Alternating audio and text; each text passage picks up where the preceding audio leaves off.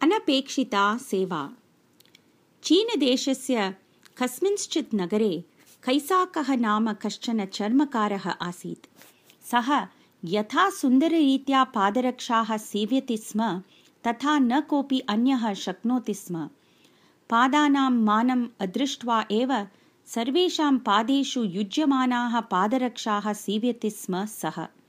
अतः एव धनिकाः दलनायकाः नृपाः इत्यादीनां सर्वेषां प्रीतिः आसीत् तेन सीवितासु पादरक्षासु एव। मौक्तिकं रत्नं च संयोज्य स्वर्णसूत्रेण सीवयित्वा कैसाकेन निर्मीयमाणा पादरक्षा सर्वैरपि अङ्गीक्रियते स्म। कैसाकस्य एकमात्रपुत्रः च्वाङ्गः सः पितृवित्रिं धिक्कृत्य स्वच्छन्दं मित्रैः सह अटति स्म इदम् असहमानः कैसाकः कदाचित् पुत्रम् अवदत्। वत्स कुलवृत्तिः श्रेष्ठा। तां मा उपेक्षस्व। प्रतिदिनं तत्र श्रमः विधेयः। किन्तु त्वम् अत्र नागच्छसि एव। मम मरणस्य अनन्तरं त्वं कथम् एतां वृत्तिं करोषि? जीवनार्थं कः अन्यः मार्गः अस्ति तव इति। तदा च्वाङ्गः तिरस्कारेण। भवदनन्तरं तादृशं दुर्गन्धमयं चर्मसीवनकार्यं को वा कुर्यात्? भवता सम्पादितम् ऐश्वर्यं मम सुखमयजीवनयापनाय पर्याप्तम्। एवं स्थिते अहं किमर्थं जनानां पादपूजां करवाणि इति अब्रवीत्। वृत्तेः विषये बहु आदरवान् कैसाकः तेनैव मनोरोगेण पीडितः सन् अल्पेषु एव दिनेषु दिवं गतः। अनन्तरं स्वेच्छाचारी च्वाङ्गः वित्तं सर्वम् आमोदप्रमोदार्थं व्ययीकृतवान्। सर्वं वित्तं समाप्तम्। अन्यजीवनमार्गम् अपश्यन् सः ऋणम् अपि स्वीकृतवान्। सहवर्तिनः सर्वे दूरं गताः।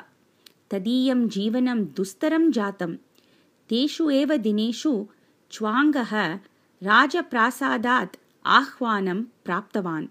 राजा तम् आदरेण स्वागीकृतवान्। तम् उद्दिश्य अस्माकं सर्वेषाम् आप्तस्य कैसाकस्य पुत्रः ननु भवान्? मह्यं मम राज्ञीवासजनेभ्यः च भवान् सुन्दरीः पादरक्षाः सीवयित्वा ददातु।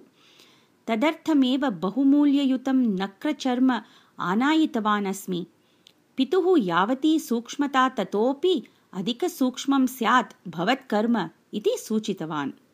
च्वाङ्गः द्वैधे लग्नः। एतत् कर्म अहं न जानामि इति वदामि चेत् न केवलम् अपमाननम् अपि तु कण्टिनदण्डनमपि लभ्यते इति सः जानाति स्म। अतः विना प्रतिवचनं सः चर्म स्वीकृत्य गृहम् आगच्छत् पितृवाक्यस्य उपेक्षा या कृता तदर्थं बहुधा पश्चात्तापम् अनुभूतवान् सः। अञ्जलिबद्धः सः तात भवतः हितोक्तिम् उपेक्ष्य अहं कुलवृत्तिं परित्यक्तवान् अतः दरिद्रः जातः अस्मि। इदानीं मां कः रक्षति इति रोदनं कुर्वन् निद्रामग्नः जातः। प्रातः उत्थाय च्वाङ्गः स्वनेत्रयोः स्वयं न विश्वसितवान्। यतः प्रासादात् आनीतेन चर्मणा योग्याः पादरक्षाः निर्मिताः आसन्।